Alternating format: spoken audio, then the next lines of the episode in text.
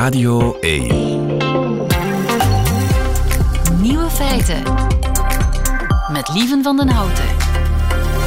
Dag en welkom bij de podcast van Nieuwe Feiten van 30 augustus, dinsdag 30 augustus 2022. In het nieuws vandaag dat premier Mark Rutte van Nederland niet weet hoeveel een liter melk kost.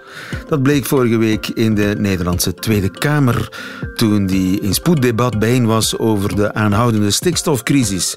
Boeren vrezen daar zware inkomstenverlies, maar de eerste minister die probeerde de boel te sussen. Zo stelde hij voor om de melkprijs te herbekijken. De die de boer krijgt voor 1 liter melk. Wat is de eerlijke prijs die de boer van zijn product krijgt? Is dat per se die 1,60 euro voor de melk of wordt dat wat meer? Dat geldt ook voor andere producten. 1,60 euro of misschien wat meer. 1,60 euro voor de boer, terwijl bij Albert Heijn een liter melk maar 1,30 euro kost. Mark Rutte toch, de werkelijke melkprijs ligt een euro lager voor de boer op 60 cent. Niet dat de andere Kamerleden dat wisten, want niet één van hen ging op de uitspraak van Rutte in. De andere nieuwe feiten vandaag. Cruciale omslag in Oekraïne.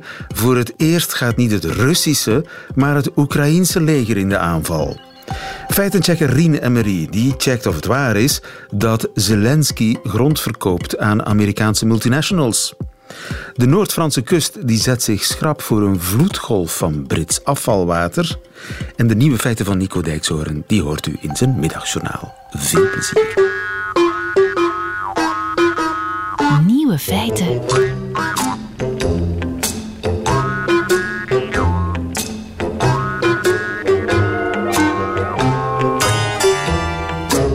Cruciale omslag misschien in de oorlog in uh, Oekraïne. Voor het eerst gaat Oekraïne zelf in de aanval. Zitten ze niet langer in de verdediging, maar gaan ze grootscheeps in de aanval. Gerson in het zuiden was de eerste stad die destijds door de Russen werd uh, ingenomen. En is nu ook de eerste stad die de Oekraïners willen heroveren. Jens Fransen, goedemiddag. Goedemiddag. Onze defensiespecialist. Uh, dat offensief, uh, hoe gaat het daarmee? op het terrein? Wel, wat we zien is dat er in de buurt van Gerson zeker iets aan de hand is. Vanmorgen opnieuw bijvoorbeeld, zie je bruggen die daar gebombardeerd worden. En dan is er natuurlijk een enorme geruchtenmolen van berichten, uh, al dan niet bevestigd, uh, waarbij zou blijken dat Oekraïne wel degelijk al door een eerste aantal defensieve lijnen is gebroken. Maar vreemd genoeg, alhoewel ja, vreemd genoeg, je ziet daar heel weinig beelden van uh, op sociale media, op Telegram, op Twitter. Wellicht ook geen toeval, omdat er een heel duidelijke oproep is, zowel van Oekraïne als van heel wat militaire bloggers, om vooral daar geen beelden en posities van te geven. Nu, dat is natuurlijk vanuit militair oogpunt begrijpelijk. Hè? Oekraïne wil zijn posities niet zomaar vrijgeven. Ja, voor ons journalisten natuurlijk is dat jammer, want ja, onze taak is het niet om mee te lopen met eh, deze of gene en om, die, om, om dat soort dingen uh, te volgen. Onze taak is het om wanneer er informatie voorhanden is, die te checken, te dubbelchecken en ja. dat dan natuurlijk wel daar verslag over te brengen. Heb je enig idee welke wapens ze gebruiken? Um, we zien aan die bombardementen dat dat nog altijd te maken heeft met artillerie. Wellicht worden die Amerikaanse HIMARS ook nog gebruikt. Aan de andere kant zag ik wel al beelden, en dat zou dan de eerste bewegende beelden geweest zijn, waarbij een aantal Oekraïnse tanks intussen tijd aan het oprukken zijn richting die, uh, die stad Gerson. Ja, en waarom Gerson? Dat is eigenlijk relatief eenvoudig. Uh, het is eigenlijk de moeilijkst te verdedigen stad vanuit Russisch standpunt. En daarom twee redenen. Aan de ene kant ligt het, uh, het ligt aan, aan vanuit de Russische kant aan de foute kant van een rivier, aan een Dnipro. Met andere woorden, als je die bruggen achter Gerson gaat vernietigen, kan Rusland die troepen daar zeer moeilijk gaan bevoorraden. Ze kunnen dat nog wel. Je kan een pontonbrug leggen, je kan eventueel met ferries materiaal oversteken. Ja, dus het ligt aan de, aan de westelijke kant? Aan de westelijke kant van een Dnipro. Tweede punt, wat natuurlijk ook speelt, hè, het is het verste punt dat Rusland ooit is opgerukt. Hè. Als je op een kaart gaat gaan kijken en je kijkt naar waar ligt de grootste Russische stad in Rusland zelf, ja, dan moet je al onmiddellijk 615 kilometer ver gaan rijden. Uh, en, en dat toont aan hoe logistiek moeilijk het zal zijn voor Rusland om daar de komende dagen, weken, misschien maanden, om daar massaal militair materieel te blijven insteken in dat front. Want dat ligt gewoon heel erg ver van het Russische moederland. En een beetje geïsoleerd. Tegelijkertijd is natuurlijk een soort bruggenhoofd tussen Oost en West. Van daaruit kun je ja, verderop naar het westen doorstoten en misschien die hele zuidkust van Oekraïne uh, innemen, als ik het vanuit Rusland bekijk. Voilà, daarom, daarom is het ook voor Oekraïne zo belangrijk om, om die stad te kunnen terugnemen. Hè. Uh, je kan dan de, de stad die nog eentje verder ligt, Odessa, dat zou eigenlijk de laatste grote havenstad zijn van Odessa die ze vandaag nog in, hand hebben, in handen hebben. Mocht Oekraïne Gerson opnieuw in, in handen kunnen krijgen, ja, dan kunnen ze ook Odessa een stukje druk daarvan afnemen. Ehm, het zou ook een van de grote, een van de weinige grote steden zijn die Rusland ooit heeft kunnen veroveren. En Gerson, waarover spreken we, een stad van ja, een beetje de grootte van Gent, 270.000 mensen. Ook een havenstad, hè? Ook aan, aan, de, aan de rivier met, een, met een toegang tot de Zwarte Zee. Voilà. En voor Oekraïne betekent dat dan wel een, een grote overwinning. Het is een grote stad die ze kunnen terugwinnen en ze zouden kunnen aantonen, kijk, wij kunnen wel degelijk Oekraïns grondgebied en grote Oekraïnse steden, middelgrote, hè, uh, middelgrote steden, opnieuw gaan heroveren. Ja, want uh, ja, wij kunnen, dat beweren zij nu, maar dat is nog maar de vraag of ze dat kunnen, want dat is zeer gewaagd. Hè, want tot nu toe zaten ze vooral in de verdediging. Ja. En militair gesproken is verdedigen veel makkelijker dan aanvallen. Ja, eigenlijk, eigenlijk mag je daar de, de, de, de vuistregel die je een stukje mag rekenen, is 3 tegen 1. Hè. Wil je een gebied veroveren, moet je zorgen zorg dat je met een overmacht zit van 3 tegen 1. Maar er is een zeer grote onbekende in deze. Um, Oekraïne vecht natuurlijk op eigen grondgebied. En de vraag is, hoe gemotiveerd is die Russische soldaat om daar een stad ver van het moederland te gaan verdedigen?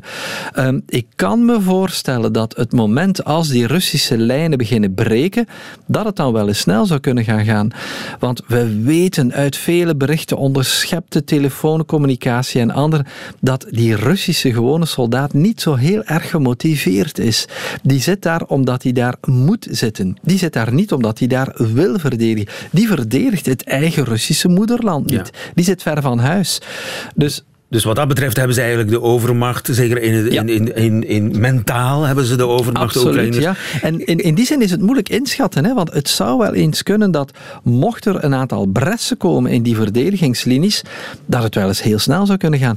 Kijk bijvoorbeeld naar wat vijf, zes, zeven jaar geleden gebeurd is in Irak. Op een bepaald moment heb je eigenlijk een handjevol strijders van IS dat oprukt naar een miljoenenstad waar duizenden militairen zitten van het Iraakse leger die zijn plots allemaal gaan lopen voor wat een handjevol IS-strijders was. Maar soms heb je een momentum in een oorlog en kan dat plots heel snel gaan wisselen. En dat momentum dat zou vandaag kunnen zijn. Het probleem is bij, bij dit soort offensieve lieven is, uh, wij als media zien dat heel graag als dagevents. Maar een militair offensief duurt weken, zo niet maanden. Maar let wel, je kan plots een momentum hebben waarbij je een bres hebt of twee, drie bressen tegelijk. En waarbij, ik sluit dat niet uit, waarbij je plots Russische militairen gaat hebben op het terrein die beginnen panikeren en die met z'n allen gewoon zeggen, dit is onze oorlog niet, wij zijn weg. Ja, zeker omdat, en ze kunnen niet weg, want die bruggen zijn opgeblazen, ze kunnen niet naar het oosten. Dus ze zitten gevangen. Ja, absoluut. En, en, dat maakt het natuurlijk heel erg moeilijk. En die Russische militairen, die lokale commandanten, weten dat natuurlijk ook. Die zien ook dat er achter hun, tientallen kilometers achter hen, plots zware bombardementen zijn. En zij zien ook op hun stafkaart dat dat de laatste overgebleven bruggen zijn. En dan zitten zij, dan staan die lokale commandanten voor de vraag: kijk, gaan wij nu vechten tot het bittere einde voor een stad waar Alsof wij style, ook zeg maar. zijn? Ja? Of, of gaan we ons overgeven? Het omgekeerde geval, in Mariupol, uh, in, in, in die andere steden, zagen we dat die, die uh, Oekraïnse Special Forces heel lang hebben doorgevochten. Maar zij verdedigden natuurlijk hun eigen dorpen, hun eigen bevolking, hun, hun eigen steden. Ik zie dat eerlijk gezegd die Russische soldaten niet doen. Nee, eh, plus de Oekraïners hebben intussen, neem ik aan, van het westen, van Europa Europese bondgenoten, van Amerikanen, eh, moderne wapens gekregen. Eh, wapens die op 80 kilometer afstand GPS gestuurd heel precies doelen kunnen raken. Zeker, maar bovendien wat zij ook krijgen, en dat zie je natuurlijk niet, is wellicht krijgen zij waanzinnig veel inlichtingen. Dat hebben we ook de voorbije weken gezien. Hè.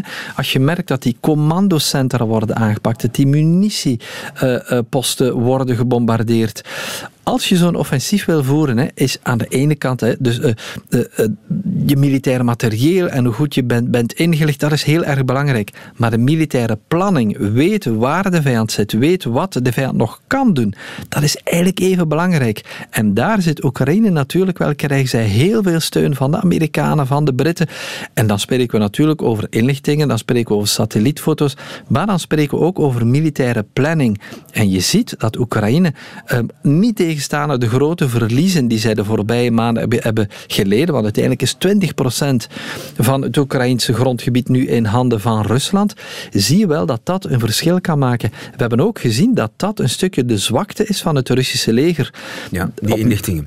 Stel, Gerson valt, dat is een, eh, ook, ook eh, mentaal, het is een enorme omslag eh, als de Oekraïners Gerson terug in handen krijgen. Dus er staat veel op het spel. Heeft Poetin al geantwoord op dit nieuwe offensief? Van? Hij zelf persoonlijk vandaag de dag, nu op dit moment heb ik het nog niet gezien. Je voelt natuurlijk wel de Russische propaganda, ja, die spreekt van zijn kant, die minimaliseert dat, die zegt van ja, kijk, de, de, de Oekraïners hebben geprobeerd, maar dat mislukt allemaal. Maar dat is natuurlijk allemaal propaganda. Je weet wel natuurlijk de druk op het Russische establishment, de druk, de druk op de Russische legerleiding, mocht Gerson vallen, gaat heel erg groot worden. Want dan gaat iedereen in Moskou natuurlijk kijken van oei oei, wat staat ons deze winter te wachten? spannende winter in elk geval. Dankjewel, Jens. Graag gedaan. Goedemiddag. In Gerson is er, uh, of zou er een offensief van uh, Oekraïne zijn begonnen tegen de Russische bezetter. Veel weten we daar nog niet van. Deze zomer hebben we vooral aan het front weinig beweging gezien. Troepen zijn vastgelopen, waren vastgelopen, maar niet op het internet, want daarop wordt uh, volop met fake news geschoten.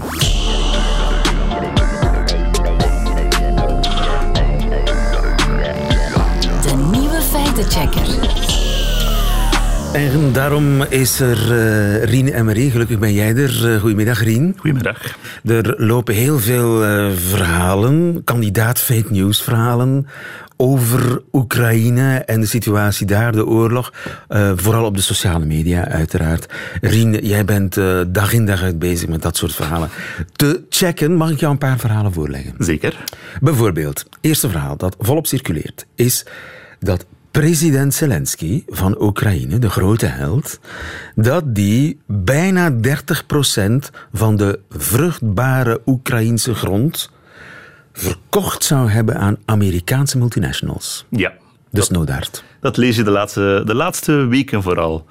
Maar het is eigenlijk al een ouder verhaal dat eh, teruggaat tot mei 2022. Toen is het gelanceerd. En toen heb je het voor het eerst kunnen lezen op een website die heet de Australian National Review.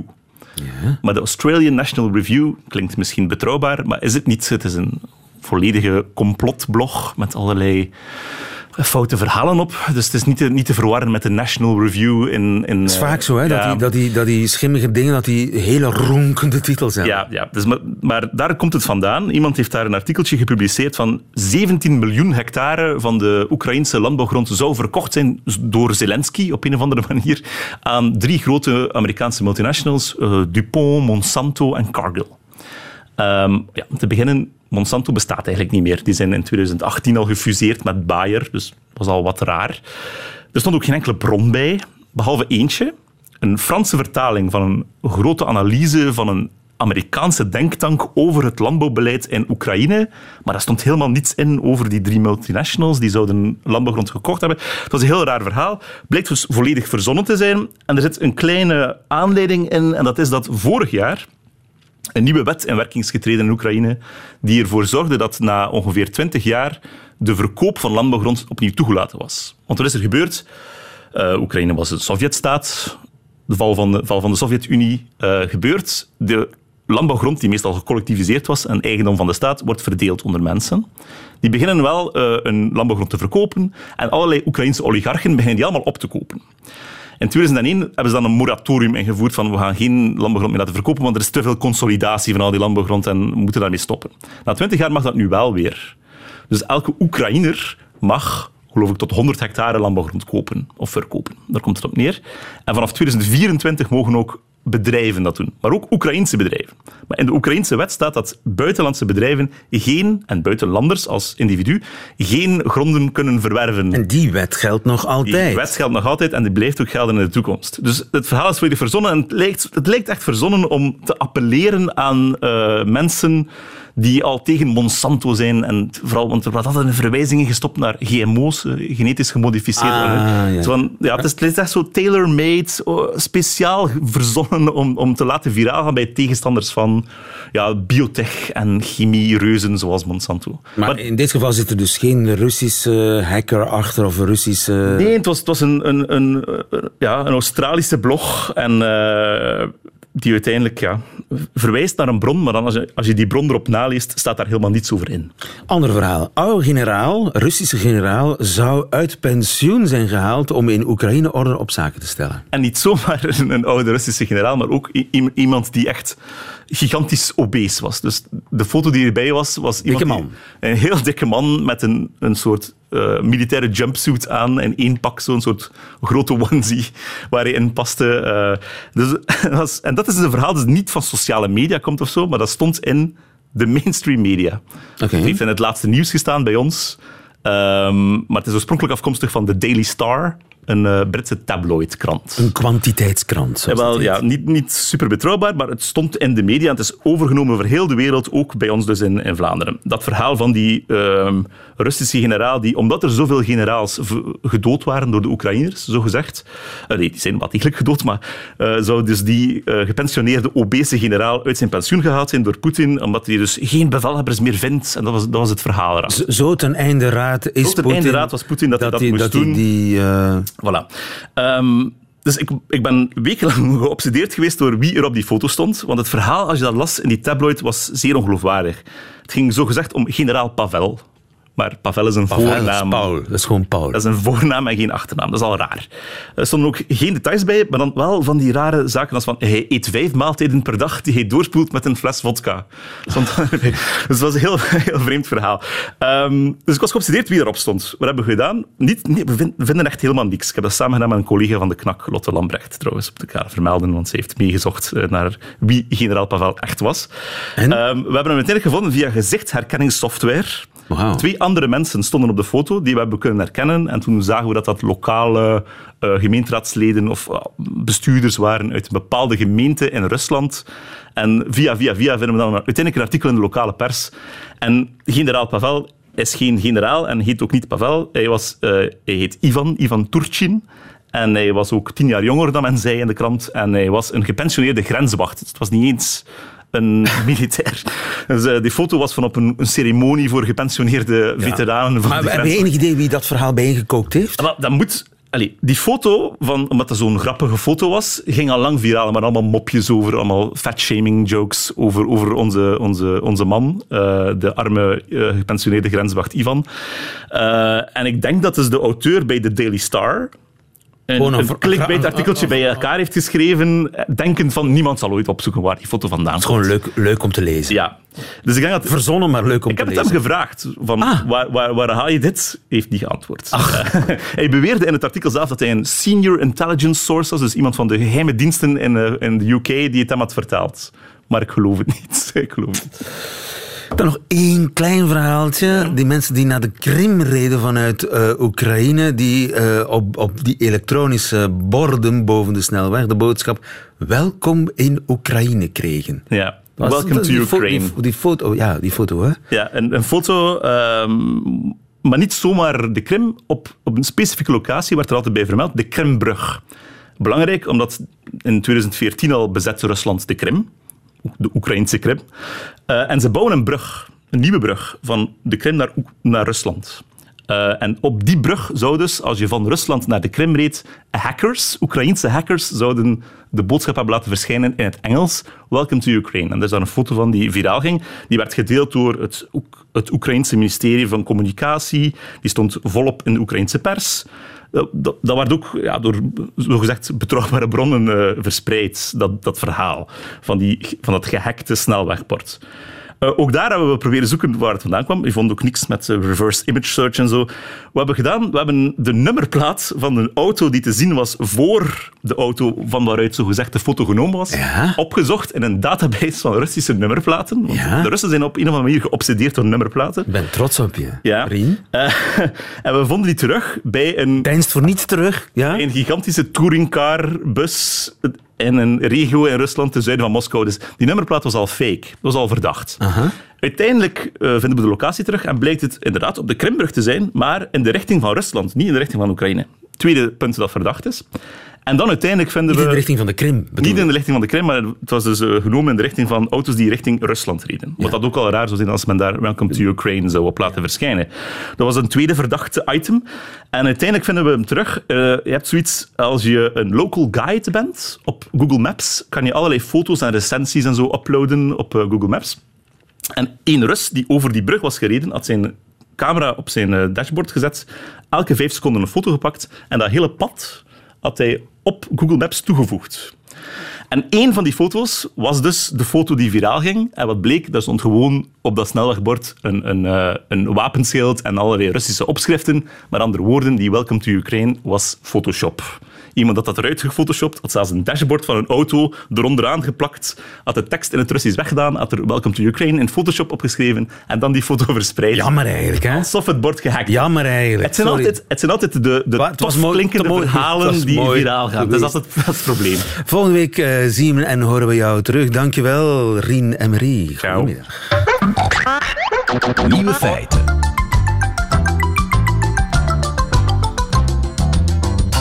In Frankrijk is de ongerustheid groot. Meer bepaald aan de Noord-Franse kust wordt de zee voortdurend in de gaten gehouden.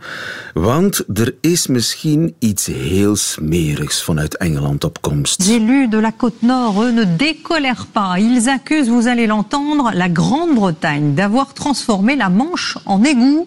Des eaux usées ont en effet été massivement rejetées dans la mer. On ne compte plus les plages anglaises fermées en raison de cette pollution. Une fâcheuse habitude qui s'est aggravée après le Brexit. Ja, des eaux usées zijn misschien op komst. Jolien de Bouw in Frankrijk voor ons. Goedemiddag. Hey, goedemiddag. Jolien, zie jij de Britse drollen al komen? Ik zie ze nog niet, maar ik meen wel iets te ruiken. Jo- Jolien, wat is er gebeurd? De schrik zit er goed in in Frankrijk. Ja, inderdaad. Er zijn dus drie parlementsleden, Europarlementsleden van de partij van president Macron, die aan de alarmbel trekken. Want, en dat is geen geheim, hè, daar staan de Britse media al langer vol van. De Britten die lozen hun rioolwater nogal geregeld in het kanaal. En de Fransen die vinden dat nu eh, niet kunnen. eh, want zij zijn dus bang dat hun kusten ook vuil zullen worden. En natuurlijk ook eh, voor hun vissers en voor de oesterkwekers daar meer eh, in Normandië en Bretagne vrezen zij eigenlijk het ergste met die Br- Britse drollen. Ja, maar ik hoorde zo pas zelfs bijna oorlogstaal, alsof het zou gaan over een soort low-tech chemische oorlogsvoering. Ja, ja, kijk, dat is ook zo. Eh, Maar het is nu wel zo dat eh, experts zeggen dat de Fransen zelf niet heel veel schrik moeten hebben dat hun kusten ook zo vervuild zullen zijn als de Britse kusten. Want daar zit ze echt al met een probleem dat er heel vaak niet gezwommen mag worden wanneer er te veel ehm, rioolwater in het water zit daar. Ehm, en dat is in Frankrijk niet het geval, want, zo zeggen die experts dan, eh, het kanaal is eigenlijk een soort rivier die als grens eh, ervoor zorgt dat het water van het westen dan naar het oosten trekt. En dat eigenlijk die drollen ook meer aan Britse kant blijven. En daardoor ja, komt het niet echt aan de Franse kust, maar gaat het meer naar de Noordzee. En ze zeggen dus het grootste België. probleem klopt België, Nederland, Denemarken. Dus dat zijn ook landen die nu echt wel al ongerust beginnen te worden.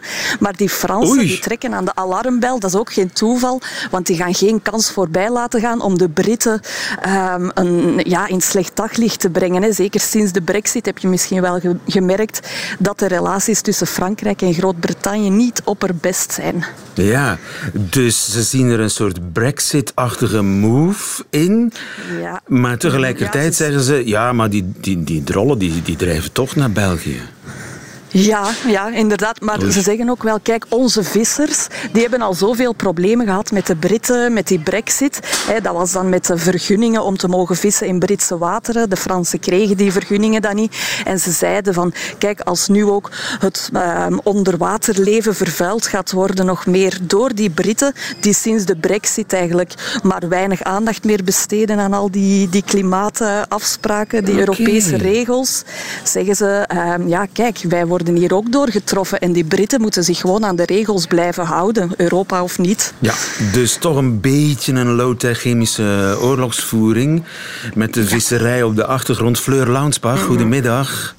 Hi, goedemiddag. Fleur, jij uh, zit in Londen voor ons. Uh, sturen de Britten hun ontlasting via de Noordzee naar Frankrijk?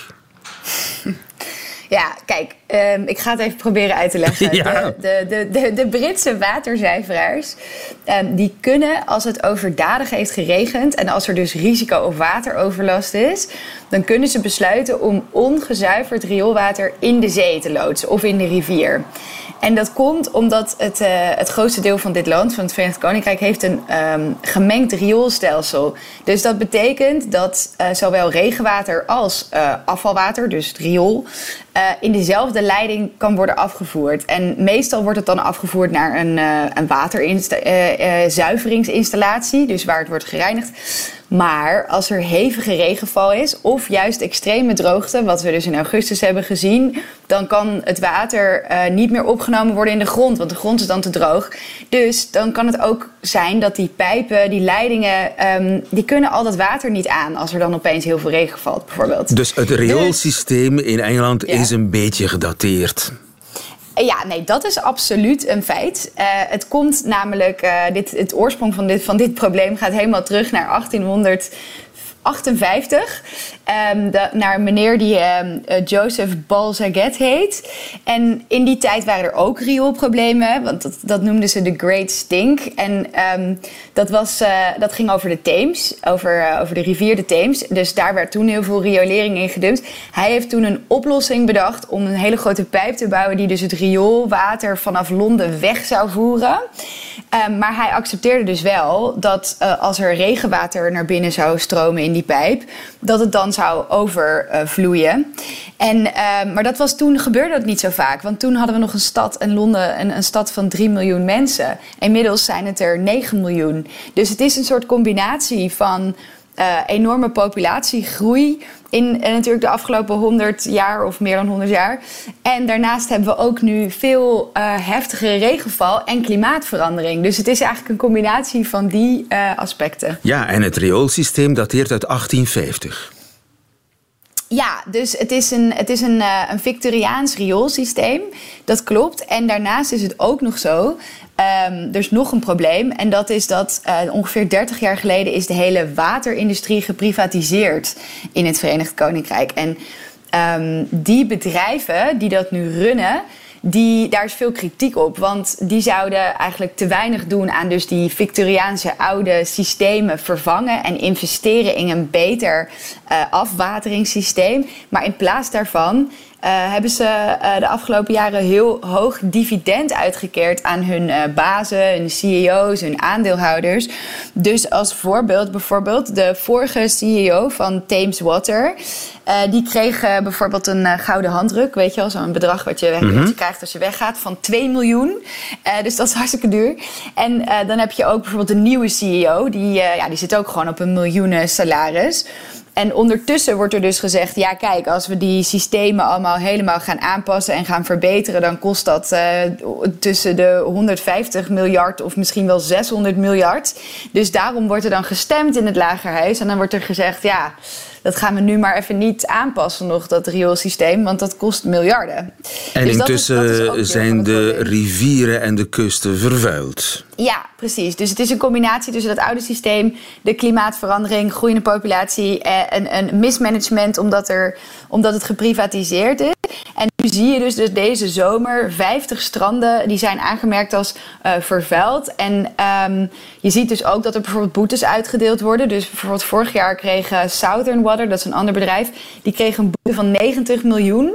Nadat ze dus hadden toegegeven dat ze opzettelijk grote hoeveelheden afvalwater in de zee hadden gedumpt. En als je kijkt naar bijvoorbeeld dus de regelgeving, want dat is natuurlijk nu heel erg de vraag. En ook, uh, ook de kwestie die dus wordt opgebracht in Frankrijk: van dit is tegen de wet. Wat er nu, wat de regelgeving is, volgens de EU-regelgeving zijn dit soort afvalwaterlozingen, zoals ze worden genoemd. Dus dat het dus samenkomt, het afvalwater en het regenwater, en dat het wordt gedumpt in de zee of in de rivier. Dat is legaal, maar dat is alleen in, in uh, uitzonderlijke omstandigheden is dat legaal.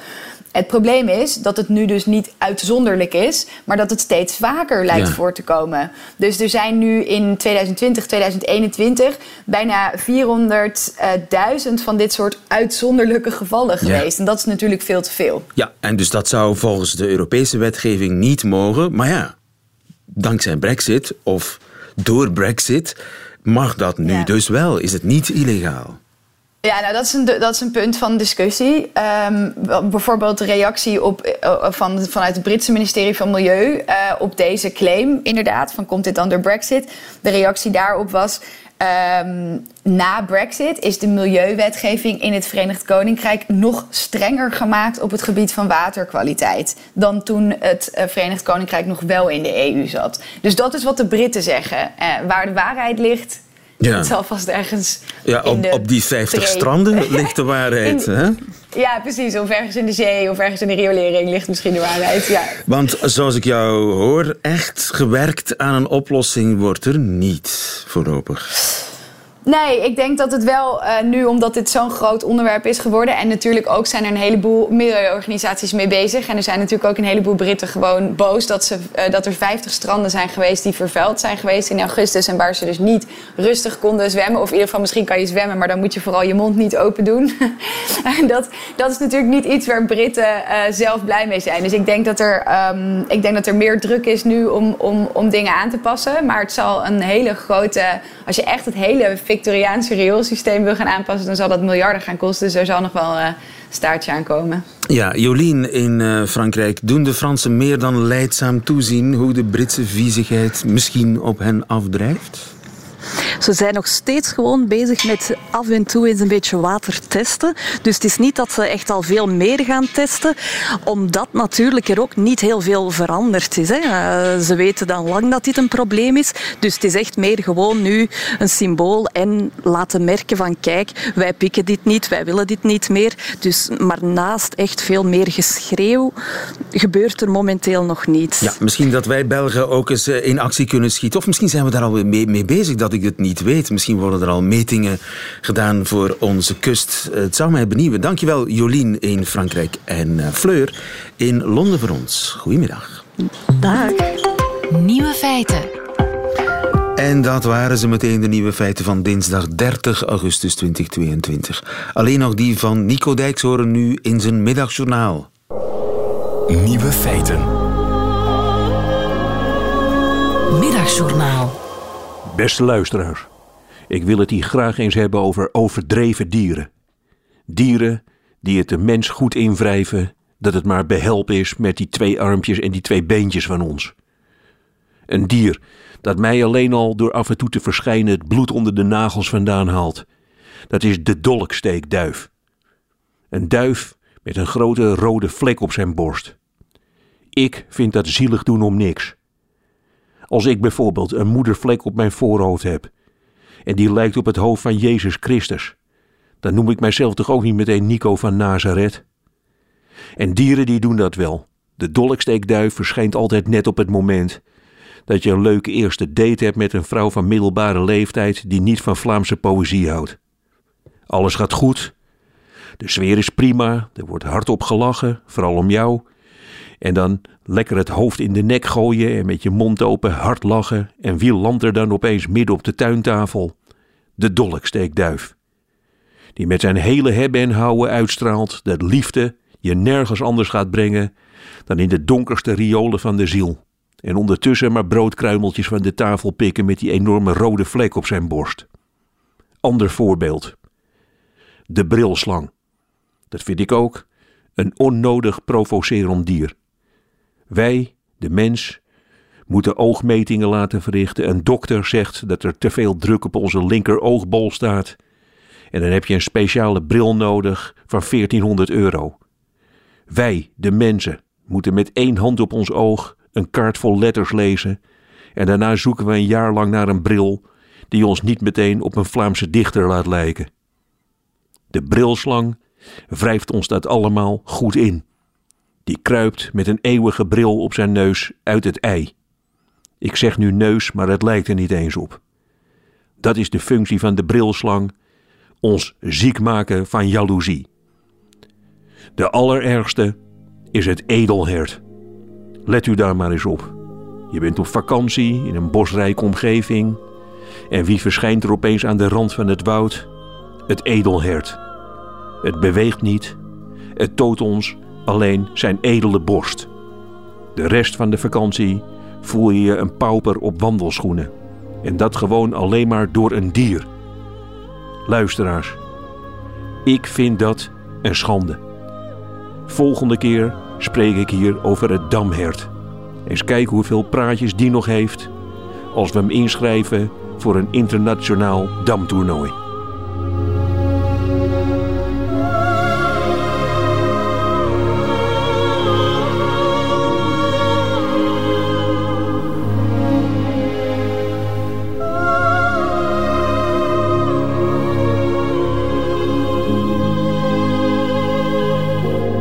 Zo zit dat. Nico Dijkshoorn in het middagjournaal over overdreven dieren. Einde van deze podcast. Hoort u liever de volledige nieuwe uitzending, dan kunt u terecht op radio1.be.